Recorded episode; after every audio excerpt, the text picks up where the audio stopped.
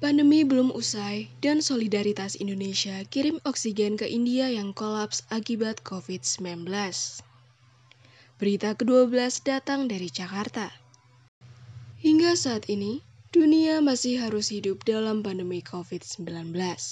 Sebanyak ratusan ribu kasus harian virus corona terjadi di India.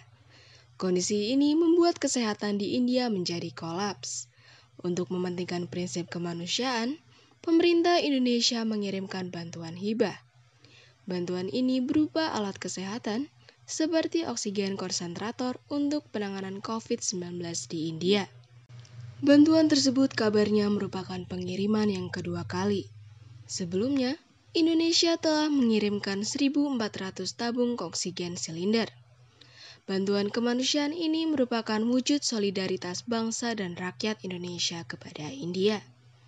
Di Indonesia sendiri, terjadi penambahan sekitar 4.608 kasus COVID-19 baru dalam 24 jam terakhir. Namun kabar baiknya, pasien COVID-19 yang sembuh bertambah hingga 4.671 orang. Hingga saat ini, pemerintah menargetkan sekitar 40 juta orang lebih yang menjadi sasaran vaksinasi COVID-19. Sekitar 10 juta lebih orang yang sudah divaksin dosis pertama kalangan tenaga kesehatan yang paling diutamakan dalam vaksinasi ini. Selain itu, kalangan dari petugas publik dan lansia juga menjadi fokus utama pemerintah.